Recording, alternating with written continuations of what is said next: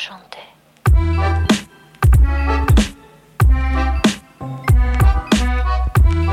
Varmt välkomna till Toto 5. Det är onsdag den 7 juni, eller lillördag som eh, Florens, min dotter, skulle säga.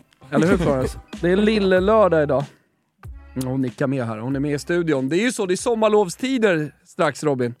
Ja, det är underbart här. eh, Vi, vi ska väl gnugga en vecka till här ungefär. Sen, eh, sen startar cirkus sommarlov. Då är, det, då är det full fart på alla fronter. Såg på Josefin Kales Instagram, du sitter här bredvid mig, att det var någon slags båtfest här igår eller? Ja, här Ja. i studion. nej men precis, det var det ju.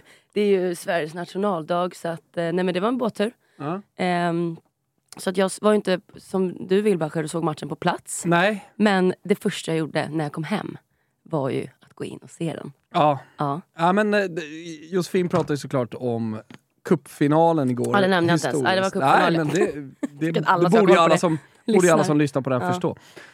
Men, eh, nej, men det var, jag, jag tänker att vi börjar såklart med cupfinalen och eh, tar oss vidare framåt. Vi närmar oss den där eh, trupputtagningen från Peter Gerhardsson som jag känner är typ den som folk är mest spända på någonsin hittills med tanke på vad som har hänt med damfotbollen de senaste åren.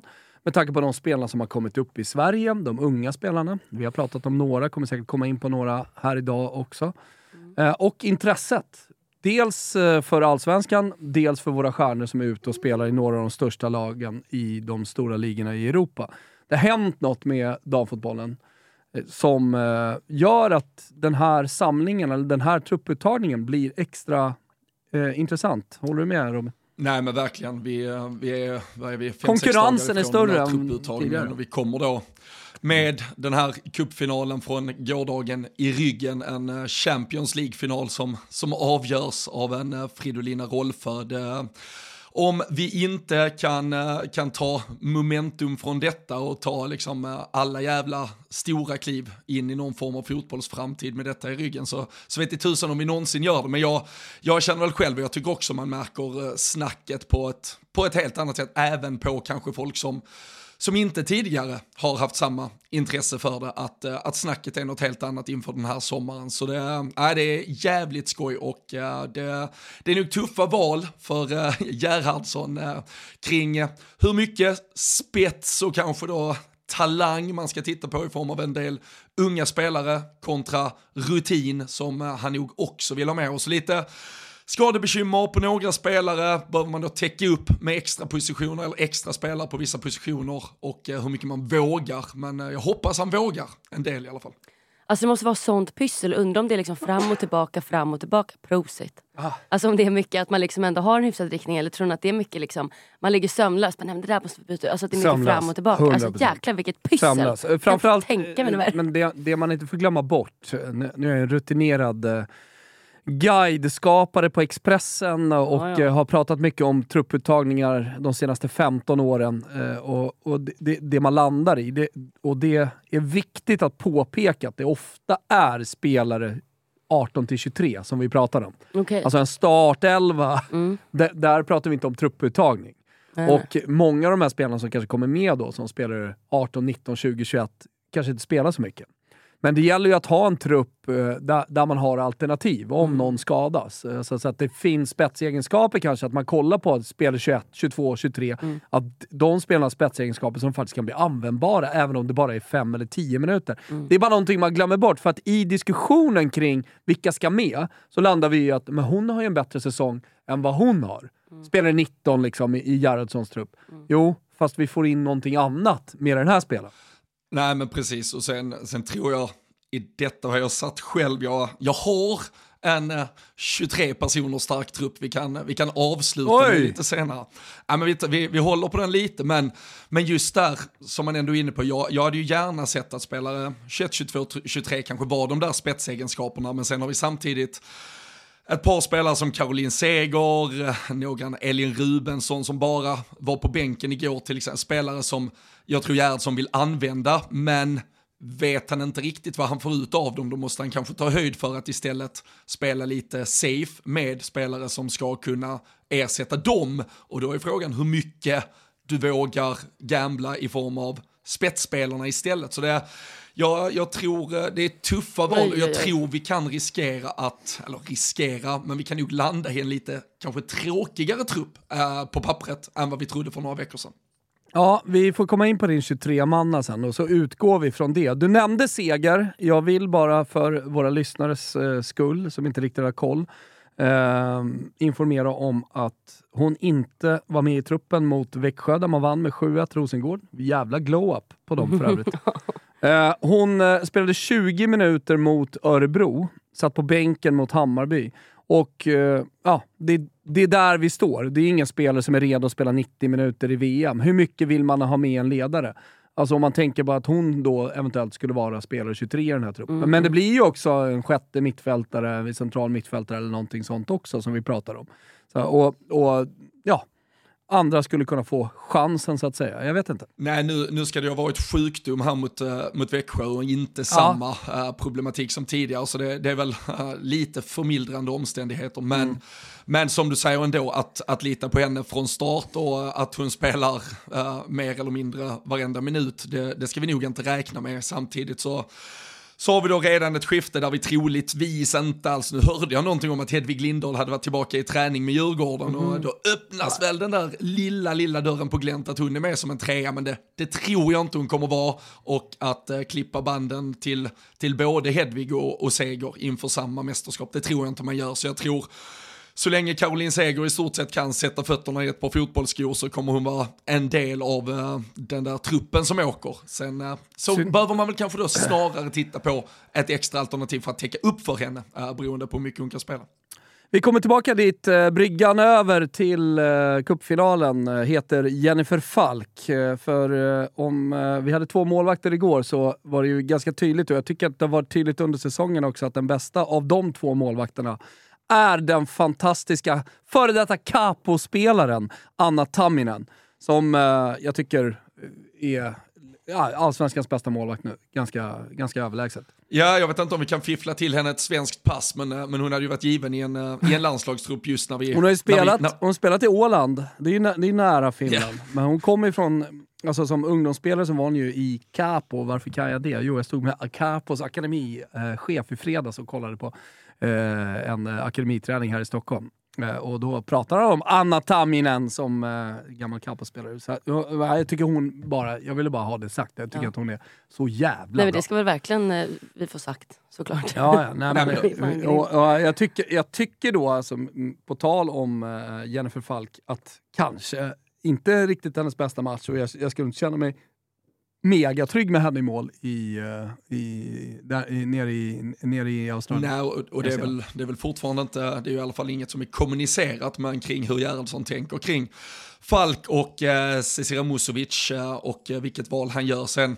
sen såklart Falk också, hon har haft ett bra försvar Alltså, det är en bra men vi ska målvakt, Vi ska ändå lägga till att de har alltså släppt in tre mål i seriespelet Häcken eh, och släpper in tre mål mot Häcken, eller mot, eh, mot Hammarby i finalen, så det är väl det är väl snarare det som sticker ut och sen är det ju däremot kanske sättet man släpper in något eh, av de här på, framförallt i eh, ja, det tredje i kommunikationen mellan henne och Rybrink och, och allt som händer där. Men äh, överlag så är det ju såklart, det är en bra målvakt. Ganska men mycket hon förlorar verkligen mål, matchen i matchen mot Tamminen här. Det kan vi ju vara tydliga med.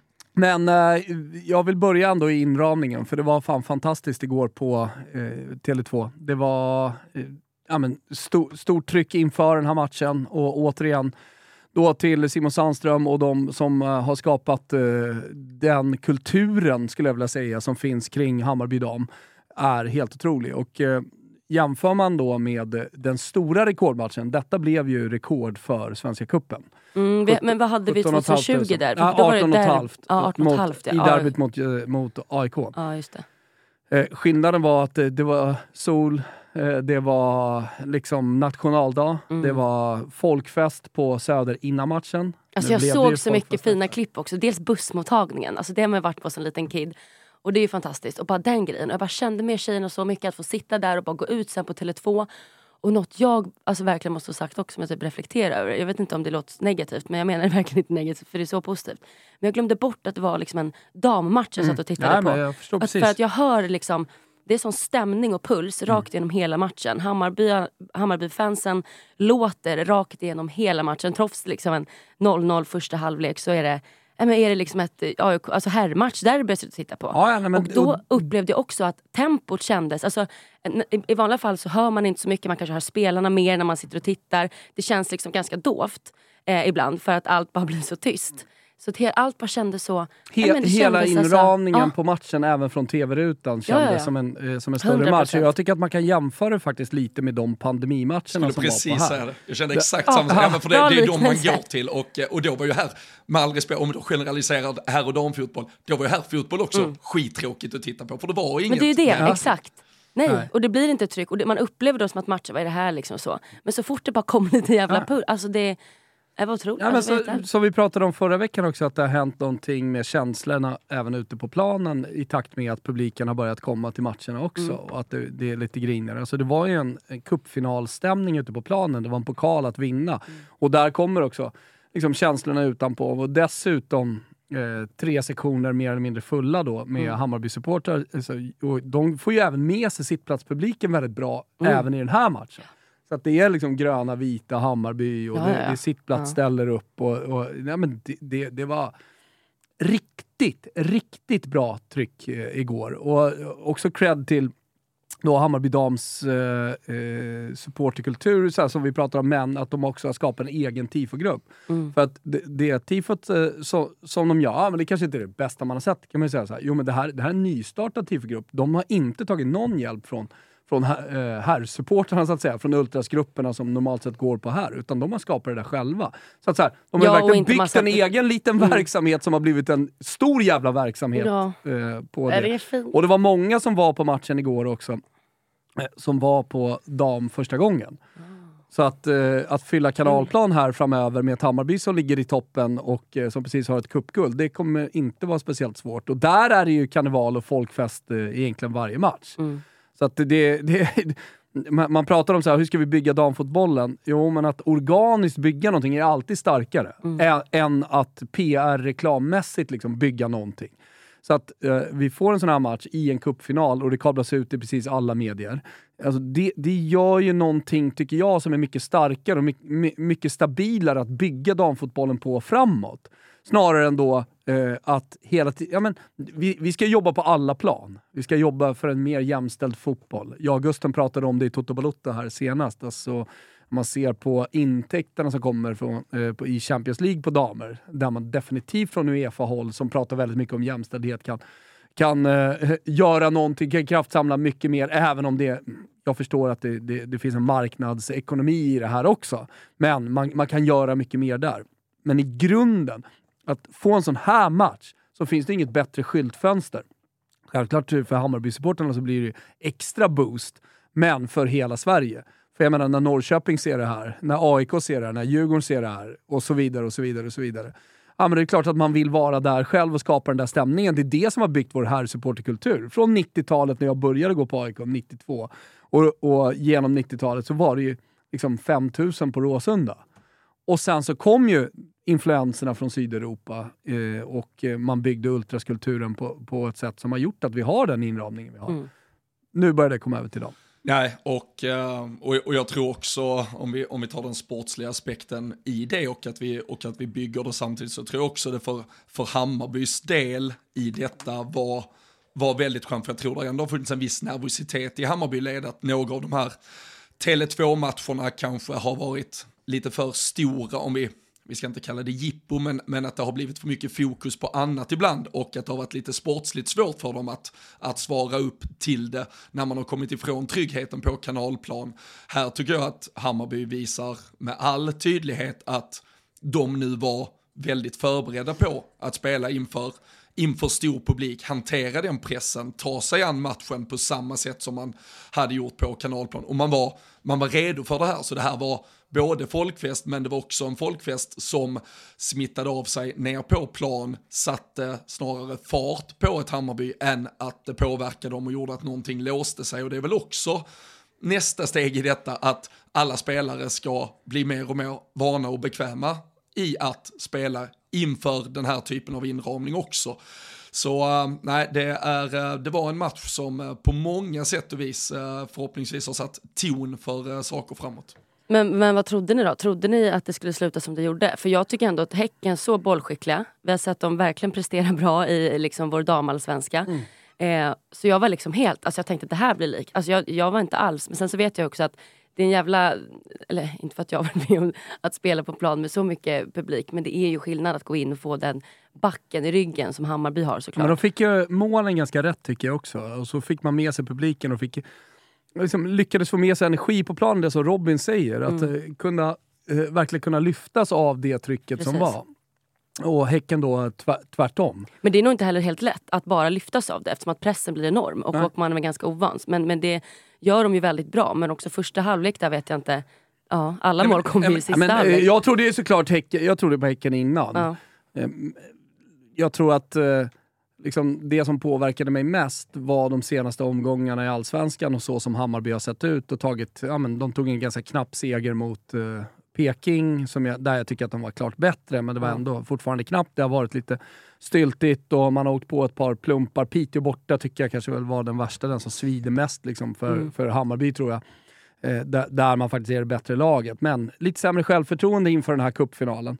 Och det, det, det, tycker jag är starkt av spelarna och, och alla i Hammarby, att eh, kunna kliva, kliva ut i den här matchen och ändå få en ganska jobbig första halvlek tycker jag, med Häcken med mycket boll och sen kliva ut i andra och, och städa av det lite som de gör. Nej, men i, jag tycker i första halvlek, där, där, ser man ju, jag tycker ändå man ser att det är två så bra lag. Sen som du säger i kamp, jag tycker man ser på, på en spelare som Rosa Kafaji till exempel, just det här med, med inramning och, och vad det betyder för henne att komma tillbaka till Stockholm. Eh, och, det var inget hyschande igår. Nej, det var inget hyschande, men det var, men det var en jävla attityd redan från början och man såg hur förbannad hon var på saker och ting under hela matchen, vilket, eh, vilket jag kunde uppskatta. Men, men men i första halvlek tycker jag det är två, två bra lag lite som tar ut varandra, men sen när vi väl pratar om spelare som då växer i den här miljön så, så visar ju Madeleine Janogy att, att hon då har en annan nivå i sig när, när det kommer till krita. Och uh, hon är ju hon är ju planens gigant på alla sätt Vi. Maika Hamano fortsätter ju vara fantastisk såklart i allt hon dirigerar och styr på den där fotbollsplanen. Men, men Janogy med ja, men med hennes skalle och jag tror att uh, hon har uh, nog haft den här matchen uh, lite i kalendern sen, sen avstängningen där mot Djurgården. Hon missar ju då toppmötet, eller kom ju tillbaka till toppmötet just mot Häcken borta, inkastad från ingenstans och influgen efter att ha enligt Josefin kanske suttit och supit på förmiddagen innan hon åkte ner. Exakt. Så uh, ja. jag, tror, jag tror att hon har bara sett att den här, den här matchen blir min chans att visa hur jävla bra jag är och uh, det gjorde hon det, med ja. eftertryck. Och man undrar henne verkligen det, för att det är lik man ser och som hennes kära spelarkollegor anser. Hon är ju en, en ledare, alltså i både gruppen och på planen. Och det var så härligt också att se att alltså, mål nummer två hon gör är ju rysningar. Apropå vad vi pratade om förra gången, att man älskar ju när det skjuts. Och hon bara lägger in dojan liksom. Alltså inte bara försöker passa fram utan hon går på känslan, lägger in vänsterfoten, den träffar så fint. Det är det vackraste jag sett på länge. Men också hennes fantastiska placering hon har i straffområdet i det första alltså, målet. Hon är liksom ändå ganska punktmarkerad men hon är liksom så brunkig och lyckas nicka in den där ändå. Så hon gjorde en oh, fin match och två helt uh, ja, men Det mål. roliga, jag måste bara ändå säga det, hon gör en fin match. Men, men jag, tycker, jag tycker det var en period där jag kände att fan, Hammarby ser bra ut och det är många spelare som är, men de är bra här. Mm. Men fan Janogy får steppa upp alltså. Hon satte inte en touch, ja, men hon hade många felpass, eh, hon tappade boll. Uh, och, och, sen så kom det där målet då som liksom höjde, höjde det lite. Sen, var, sen fick hon ju gå ut och så bytte man in Folkesson istället. Ja. Men, men uh, jag tyckte, tyckte hon hade en ganska svag match. Nej, men, fram till ja, målet. Ja, och så, kommer från en cupfinal med, hela tiden, med, med två mål och haft en svag match är väl ganska skönt. Vi vet, vi vet vad hon är satt på planen för att göra. Det är ju för att avgöra ja, men Förstår du vad jag liksom. menar? Men uh, jag, jag, jag köper vad du säger, men jag tror också det var som sagt en match som för henne be, betydde väldigt mycket. Hon ville väldigt mycket och det kan ju såklart göra att det låser sig i vissa delar av det. Men eh, när hon har fått in, fått in 1-0 målet så ser vi vilket självförtroende hon har för att sen trycka upp tvåan också. Nej men det är, det, det är också så om vi nu ska prata om eh, trupputtagning och landslag, nu är väl Janogy given. Hon har inte varit given, men hon är ju såklart given. Men att gå från den första halvlek när det studsar lite fel och sen så kliva in och, och vara avgörande, det säger någonting om positionen också, som man har som forward. Ja, men, mm, det, det, det, du behöver inte alltid vara 100% i ditt passningsspel och i det felvända spelet. Gör du två mål Ja, det är i en cupfinal, det är din uppgift. Eh, då, då, då, då är du matchens lirare. Ja. Så eh, Det, och det, det tycker jag verkligen hon var också. Och det som du säger, det andra målet där är ju är stor, stor klass. Mm. Hur hon kan vända upp där från ett ganska svårt läge. Hon är ju typ felvänd. ja, hon, hem, I, hon hämtar eh, bollen bakom sig nästan när hon eh, Ja. trycker upp den. Eh, Ja, och, och liksom bara, bara få till. Och enda maskan hon kan sätta den i för att eh, Jennifer Falk inte ska ta den, det är ju den där bortre krysset. Alla, andra, alla andra skott tar hon ju mer eller mindre. För att det, det är lite för långt ifrån mål för att sätta den låga. Det är lite för långt ifrån mål för att liksom kunna trycka den nära målvakten och hon inte ska rädda den. Eh, och så hittar hon maskan där borta. Nej, uh, nej eh, fantastisk. Hur, eh, hur, eh, hur tyckte du annars det var eh, att eh, följa Maika Hamano igen, styra och ställa på, eh, från centralt? Nej, men i klass. Jag kan tycka att så här, ibland, nu sätter jag väldigt högt upp, så kan jag tycka att hon ser eh, lite långsamt ut i de långa löp, när det blir löpdueller sådär. Men hon har så jävla bra teknik så det spelar ingen roll. För hon förhåller sig så bra hon förhåller sig så bra till eh, motståndare hela tiden. Så att hon, hon, hon är ganska liten kropp och sådär. Borde inte vara så stark i närkamperna när man ser henne. Jag går ju förbi henne ett par, tre veckor på kanalplan varje vecka. Och när man ser henne så har jag, har jag liksom större, starkare, mer muskliga spelare i mitt 09-lag. Sådär. Men eh, alltså hon, hon gör det så bra, bra balans och just det här förhållandet mellan boll, motståndare, henne själv och, och första touchen. Vad gör hon med bollen när de får den?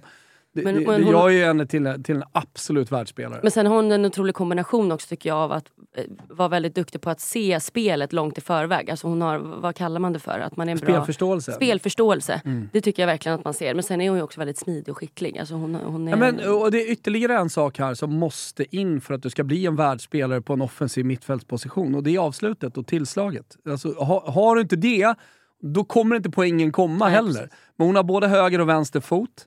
Eh, Hon, hon, eh, hon har spelförståelsen när hon vinner den bollen, att sätta den precis under ribban. För hon förstår att det är där, det det, liksom, det är där bollen måste hamna. Går en ribba in, men jag tror att det är jätteplanerat. Det är mer, det är mer att den går 10 cm lägre ner. Hon har full kontroll liksom, på det Ja. avslutet, vart den ska gå. Eh, men man, man har ju sett henne göra många olika typer av mål också. Jag tycker att ett av hennes liksom, otroliga mål som hon har den här säsongen är när Eh, Det är väl mot Peking eh, när eh, Ja, men- är Jonna Andersson som slår en frispark bakom, eh, bakom backlinjen och hon tar ner den med fel fot Ja, ja. och liksom drar den lågt, stenhårt med vristen, bam in. Det kanske inte ser så mycket ut för världen, men det är jävligt svårt när bollen kommer bakifrån och suga ner den på det sättet som hon gör och få ett snabbt avslut. För det, det är en sak som är så otroligt viktig i fotboll. Att du har, du har, du har eh, eh, jävligt eh, kort tid mellan första och andra touch. Att det går fort. Nej, men alltså, Det, det vet jag så många, må, många tränar på och, och sådär. Att, att korta ner, hund, alltså, kapa hundradelar från första och andra touch. Otrolig där också. Ja, men bå, båda målen mot Norrköping, precis som du säger, det var ju kanske ingen fantastisk match för Hammarby i fredags där och man har väl, Mm. hade väl tankar lite på den här cupfinalen kanske, men, men när man då har uh, Maika Hamano, hon sätter ju den första, trycker hon ju själv upp i krysset för att kvittera till 1-1 och sen avgör hon ju med det. Det målet som du är inne på, det visar ju också den spetsegenskapen, att, att ha den lyxen att kanske inte behöva som kollektiv vara fenomenala i 90 minuter men så har du hennes spets där hon antingen kan avgöra själv eller avgöra genom att, genom att sätta upp sina lagkamrater. Jag, jag, jag, har, jag har så svårt att se hur, hur Chelsea inte ska vilja ha tillbaka henne direkt till säsongstart egentligen. Jag vet inte exakt Men, hur det så där jag förstår så är lånet på hel säsong och sen så gör väl kanske Chelsea vad de vill. Men eh, lånet, det är bara viktigt Ja, jag att vet. säga. Ja, jag vet att lånet Jag är var på en hel att säsong, men jag, har, jag har så svårt att se Chelsea se henne vara så här bra redan och inte vara sugna på att ta henne till säsongstart. Just med tanke på att det är efter ett VM, det kan vara spelare som är lite slitna, det behövs lite mer rotation än vanligt, kanske i början på den nya säsongen. Men äh, det är ju superlyx för, för både Hammarby och damallsvenskan så länge vi, vi får ha henne kvar här. Och hon har en ganska hyfsad period då sen eh, U20-VM i höstas eh, där hon varit uh, eh, turneringens spelare. Någon, något slags mega utnämnande. Hon gjorde fyra mål, en ass på sex matcher. Kommer till Hammarby, har nu gjort tio mål. Alltså utöver allt fint hon gör i spelet, assister och så vidare, så har hon alltså gjort tio mål. Sex i ligan, fyra i kuppen.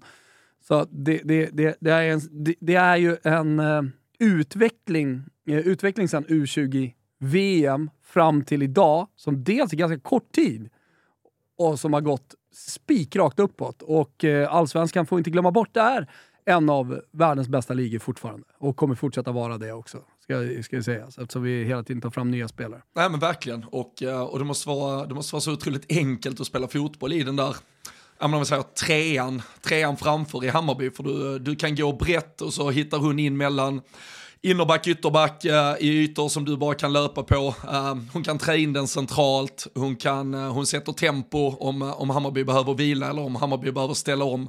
Det är, ja, nej, det är, är nog den bästa vi har sett på många år i den här serien i alla fall. Ja, det, det tror jag och känslan är att utvecklingen knappast kommer stanna av. Jag vet inte hur mycket mer fysisk, man pratar hela tiden om det här fotbollen, att Premier League är så fysisk. Jag vet inte om den är så jävla mycket mer fysisk än eh, damallsvenskan. Nej, absolut inte. Jag tror, eh, jag tror hon eh, klarar av att eh, med, med, med liksom de, de, de fysiska förutsättningarna hon har kan hon mm. redan nu gå in även då i de, ja, de absolut Hon kan gå in i Chelsea direkt också, det är jag rätt så övertygad om. Några andra prestationer från cupfinalen sådär som ni tycker sticker ut. Vi pratar lite kort där om Rosa Kafaji i Häcken, tycker hon gör en bra första halvlek. Kommer bort lite med hela Häcken såklart, eh, ja, alltså när Hammarby är bra i andra. Mm, jag saknade henne, alltså, hon gör ju det bra men jag, fan, jag hoppades också på, det här är hennes hemstad hon, eh, och sen så älskar jag henne för att hon kommer från AIK men det, det är ju speciellt för henne, vilket hon sagt själv många gånger också, det här att möta Hammarby och jag hade ju hoppats att hon fick in ett mål. Eh, för det hade varit kul att se om hon liksom skulle hyscha publiken då? Hade hon vågat det? Alltså 1-0 absolut att hon ja, hade kunnat gjort någonting. Men 3-1 tröstmål hade det nog inte blivit ja. någonting. Men jag, för jag har ju till och med haft tankar när jag sett henne att så här, fan, du skulle kunna gå till en VM-trupp. Alltså mm. för att jag tycker att hon har gjort så fantastiskt, alltså riktigt fina mål och jag tycker att hon Alltså jag älskar ju henne. Mm. Men, eh, men hon är men... ju också U23 landslagets, eh, alltså den spelaren i U23-landslaget mm. som kanske har stuckit ut mest. Och då pratar jag dels om prestationerna där, men också i allsvenskan tillsammans med Winberg. Då. Ja. Nej, och uh, när, när jag gör min uh, 23-manna matematik så, så är det nog Winberg eller Kafaji. Jag har, jag har plats till en Visst av dem i alla fall. Sen får vi väl se vem jag väljer, men uh, jag vet inte vem som stärkte sina aktier bäst just igår. Winberg klev av. Nu skadade sig, ja, nu skadade mm. sig Winberg med en sorg efter den. Hon stod i solglasögon, ja, bärs, bärs i handen ja, ja, och eh, hade, rullade runt med en stor högtalare också. Hon var så taggad, så härligt. Och där var det inget snack om att det är match i helgen, eh, nej, så det blir, det blir lågt firande. Utan eh, det var full körning på Södermalm igår. Det, hon sa ju också, också det, att, såhär, vem tar täten på festen? Det gör jag, sa hon. 100%. Nej, så vi, vi får väl se där, men uh, det, det kanske till och med blir plats för båda, vi får se, men uh, någon av dem kommer mm. nog vara i den där truppen. Spännande. Mm. Uh, jag vill också hylla den familjära pitchningen. Det var någon som skrev på Twitter igår, tycker jag. det var lite kul att det var den mest familjära pitchningen man har sett. Man har ju problematiserat de här pitchningarna tidigare ja. i herrfotbollen. Häcken senast då, cupguldet i eh, Mjällby. Men vänta, vadå pitchning? Vad menar du nu? Att de hoppar på, in på planen efter, Jaha, efter match. Okay. Ja. Jaha, det kallas pitchning? Jajamensan. Ja, uh, nej men och att de hoppar in, uh, och det, det, det var liksom tvååringar på uh, axlar, det, det, det, var lite bengal, det var liksom blandat så som damfotbollens uh, supporterkultur lite ser ut nu också. Jag såg mm. fotbollslag uh, hoppa in där, känner igen några av spelarna från, uh, från Stellas klubb. Eh, och, nej men, det, och det var ingen som problematiserade det. Fan vilka härliga scener vi har här! Spiken försökte då inte få alla upp på läktaren som de brukar få. Alltså, ska vi ha någon, av, ska vi ha någon eh, prisutdelning här nu mm. så, så måste ni gå upp på läktarna igen. Då hade ju förmodligen folk gjort det. Men utan det var så här, kan ni backa lite? Men det, det, hur, hur fint var inte de bilderna när de ska ta emot priset? Det är så en tjock halvmåne ja. runt om. Alltså det var verkligen fint. Jag blev ja. liksom så här Ja, men så den familjära pitchningen som inte ja. problematiserades. Eh, och, eh, nej, men, så otrolig stämning överlag. Historisk match. Eh, inte historisk bara på rekordet, utan liksom historisk stämning skulle jag vilja säga mm. på en damfotbollsmatch. Jag har aldrig varit med om eh, att, att det sjungs på det sättet. Det var bättre stämning än vad det var ja, på, på den där alltså, derbymatchen alltså var... som har rekordet för mm. publik. Och, och där väger in. Så att flytten av cupfinalen från eh, Kanalplan till Tele2, det var det bästa man hade kunnat göra för, för damfotbollen. Jag tror att resultatet i slutändan, oavsett vilket lag man håller på, också var det bästa för damfotbollen. Mm. För att då fick vi hela det här firandet som var ett riktigt firande med supporterna. Och har man inte sett det här så gå verkligen in och kolla. Matchen ligger ju kvar ja. på ja, men Simor. Det finns säkert på Youtube, Twitter. Och alltså väldigt mycket det... bilder och så, såklart ute på sociala ja, medier såklart. från spelare och eh, ledare och mm. supporter som var med på plats. Och eh, att det här föder nya, eh, eh ny publik och eh, jag är ganska övertygad om att jag, jag pratar om all publik och allting som har med damfotbollen att göra. Att shit, kan det vara så här kul? Jag tror att det är många bajare som kände igår som inte var på plats. Fan, det där kanske jag skulle ha gjort på Verkligen. nationaldagen. Och de som för första gången var och såg damfotboll, fan det här vill jag göra igen. Exakt, eh, exakt. Så, att, ja. så på fem års sikt kanske är så att damerna också får flytta in eh, på Tele2 lite oftare. Ja, och för Hammarby-fansen är det ju ett sätt att få fira titlar också, så det är väl, det är väl, det är väl skönt om de kan börja gå på damfotboll istället. Ja. ja, det här var ju eh, då första titeln på 24-25 år. Ja, så de vann ju senaste cupguldet i alla fall, var väl 95. Mm. Ja, Föddes jag. Det var lite roligt för att i, bandero i banderollen eh, som man hade till tifot så, så stod det vi, hade fakti vi har faktiskt vunnit ett cupguld förut. Det, det, var liksom såhär, ja, så, fan, kollade på Wikipedia. Vi har Ja, fan, började, vi, har fan, vi har vunnit ett guld tidigare. Liksom. Och så hyllade man två av spelarna från det. Eh, det guldlaget var ju för övrigt på plats igår också. Tyckte jag också var liksom bra jobbat av Hammarby. Ja, visst. De var inbjudna som, som liksom lag med coach och, och alltihopa. Det var, det, var, det var också liksom vackert.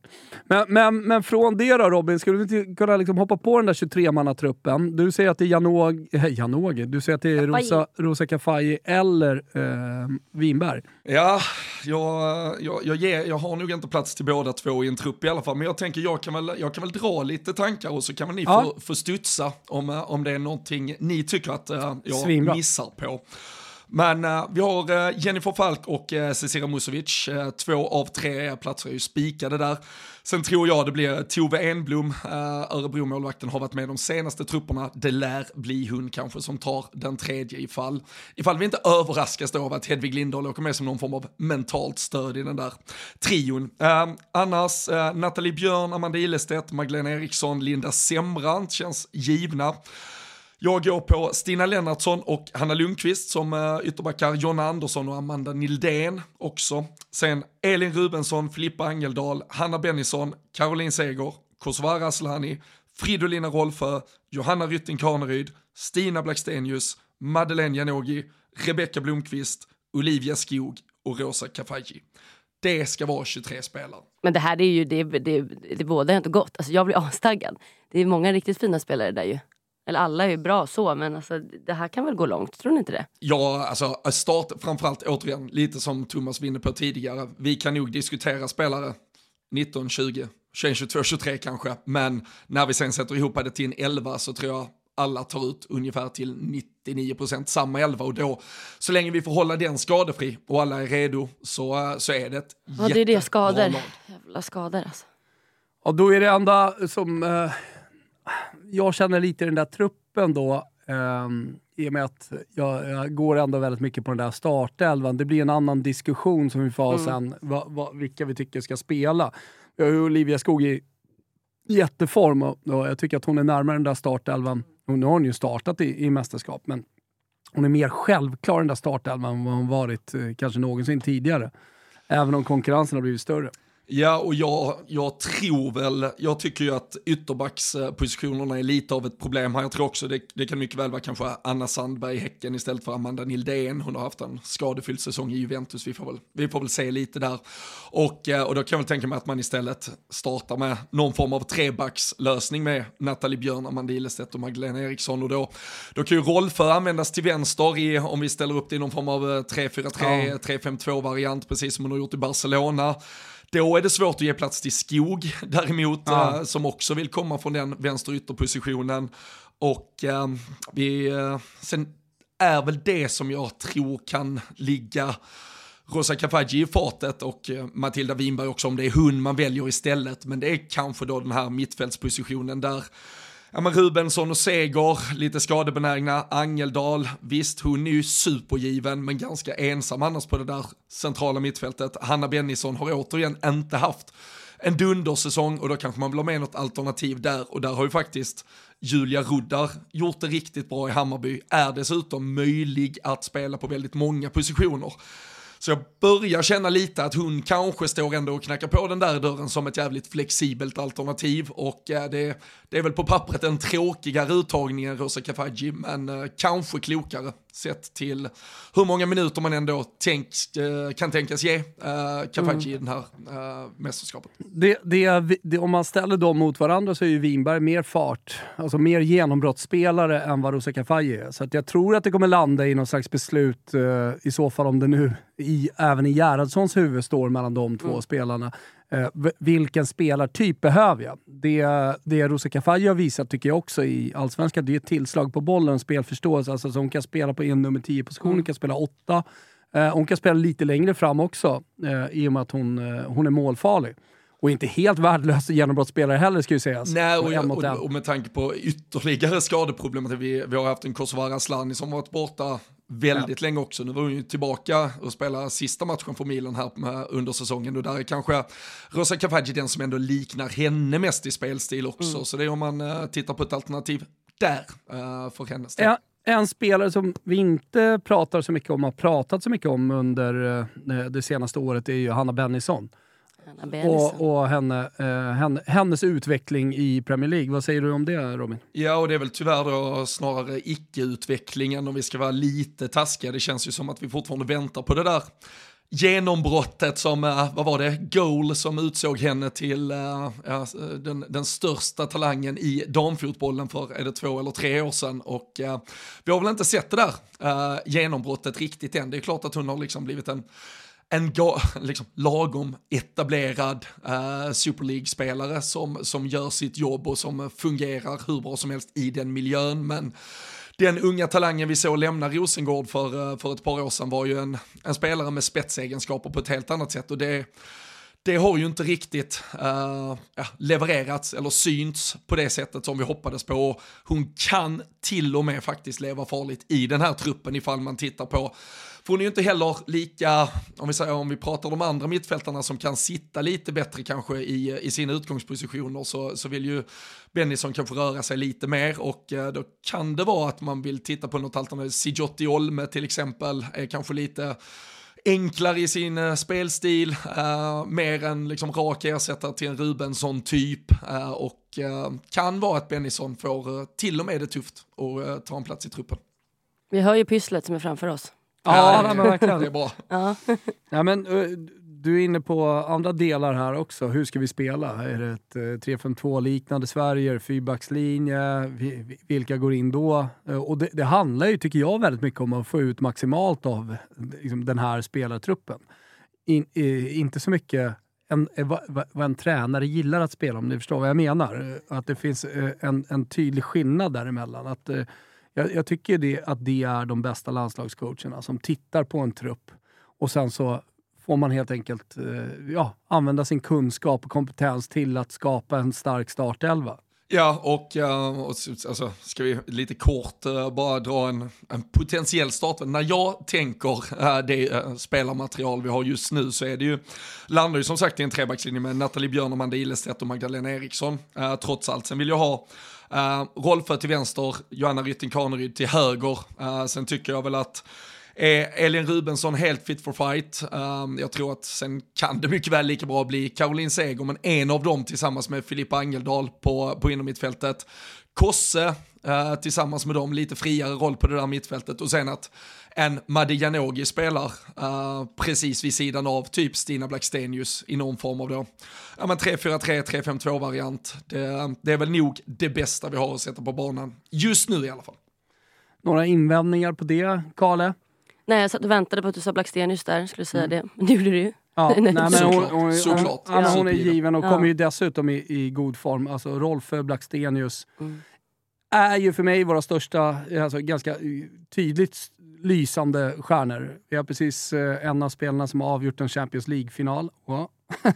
En sån sak. Hallå? Hallå? Eh, och sen så Blackstenius som har faktiskt väldigt god vårform och så kommer in till den här samlingen eh, kanske bättre än vad hon har varit i Arsenal sen hon kom. Ja, sen, eh, sen jag åkte på några, jag, jag vet, har inte exakt kommit, men det var någon axel-armskada här i, eh, i slutet på säsongen. Men, så Ja, det var, det var lite mitella och gips och skit, men, eh, men det skulle väl inte vara någon fara alls för att, för att vara fit for fight för VM. eh, Och det är väl en skada, det var ja, det var väl rätt så bra timing med tanke på att man ändå skulle gå på lite semester. Men, men som du säger, det, hon har ju börjat absolut hitta, hitta målet än mer. Det var ju lite snack i höstas om att det var lite svagt målskytte från henne. Det kom ju, kom ju in direkt bra i Arsenal förra vintern. Hade väl lite mer förväntningar på sig i höstas, axla lite ansvar när det var väldigt mycket skador i den där offensiven med Bet Mead och Midema och alla som försvann. Så fick väl inte hemma, heller samma service från, från övriga, men, men har varit bra under våren och som du säger, hon kommer in som, som en stjärna som ska göra det för Sverige och supergiven, alltså startnia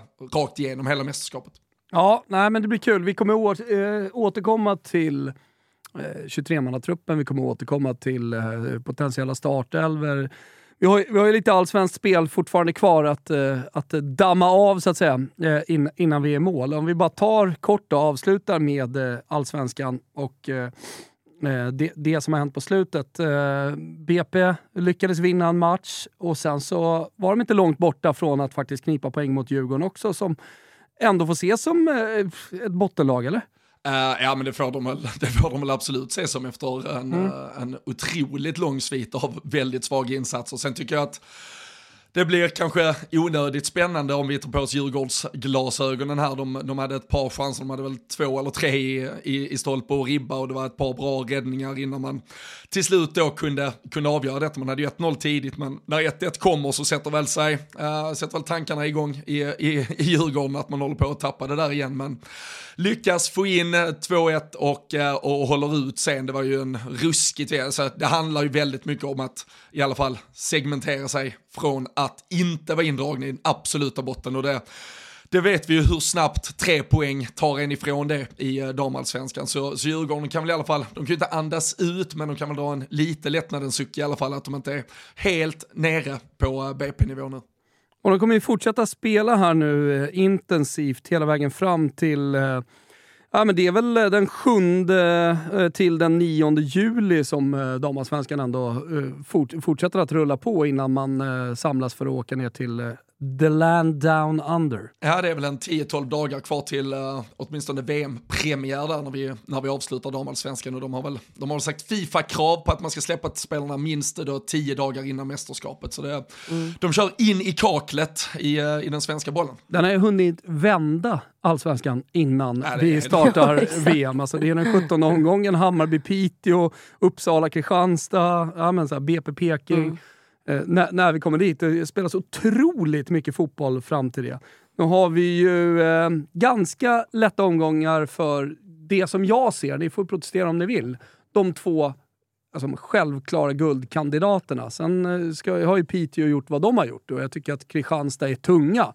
Men, men Hammarby-Häcken tycker jag har någonting annat för att hålla i 30 omgångar. Ja men, nej, men så är det väl absolut. Jag tror, eh, jag tror Häcken eh, efter den här segern för det första som de tog då i, i fredags, om vi, om vi studsar tillbaka till, eh, till det allsvenska spelet med, med 1-0 i 94, Filippa Kurmark då dessutom tillbaka, det var Ah, hennes första inhopp vilket för, mål för alltså. säsongen. Det var de värda.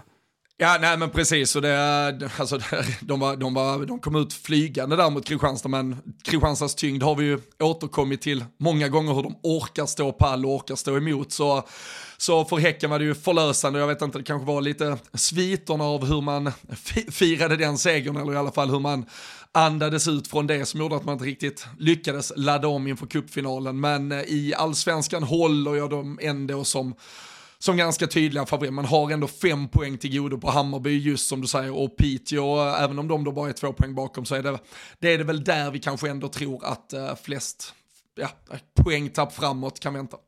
Ja, Rosengård kommit igång också. Det, det tycker jag är viktigt då. Och, Poängtera. ändå. Jag tyckte det var en, Eh. en kul sekvens bara från den matchen. Vi, vi nämnde ju att det, det slutade ju 7-1 eh, till slut. Det stod 6-0 till, eh, till Rosengård och så gör Växjö 1-6 och så säger kommentatorn, skönt för Växjö att få snygga till siffrorna. Jag vet, jag vet inte riktigt. jag vet inte hur snygga de blir. skönt det var. Nej, de, varken snygga eller Jag vet eller inte hur mycket de blev så känns. snygga egentligen. Men noter, 7-1 till noterbart att Häcken har släppt in bara tre mål, som har en ruskig defensiv. Släppte Precis. tre igår i cup, cupfinalen, lika många som de har släppt på hela säsongen. Då. Ja, nej, exakt. Så det, det är väl äh, återigen, det, det, det talar väl ändå någonstans om, äh, vi pratar om att äh, Jennifer Falk förlorar kanske målvaktsmatchen just igår, men sett över säsongen tillsammans då ska ju verkligen sägas med det där försvaret i Häcken så har de ju varit extremt solida. Mm, mycket bra, hörni. Trevlig eh, trekvart här eh, tillsammans med er. Mycket trevligt. Vad, vad, vad händer framåt här nu? Vi eh, jobbar in eh, allsvensk omgång, ska bli jävligt kul. Nu tycker jag alla omgångar är så jävla roliga. Det, ja, men det, det är bra puls tycker jag på, på damfotbollen i Sverige nu. Nej men verkligen. Sen äh, var jag lite besviken när jag såg Hammarby, eller vad säger jag, Norrköpings äh, följe upp till Hammarby. Jag tyckte de hade basunerat ut att de skulle vara lite starkare där på bortaläktaren, men äh, de får väl knappt godkänt i alla fall. Nej, Tapper får höja sin röst. Verkligen. Man hör dem knappt där. Eh, och sen så drar jag till eh, Tyskland på fredag. Ska vi se om vi kan uh, surra lite om det också. Mm, Ja, det vill vi höra allt om. Werder Bremen på lördag kväll. Det är liksom den, den matchen jag ser mest fram emot. Eh, bomb, bomb, rock'n'roll cup med 25 minuters matcher. Sex stycken på lördagen.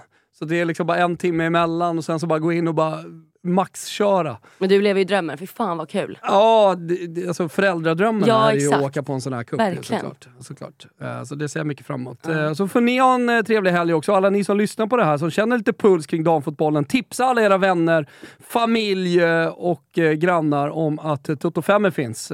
Så fortsätter vi att ösa på. Ja, Det gör vi alltid. Härligt. Hörs snart. Ciao Tutti! Ciao! ciao!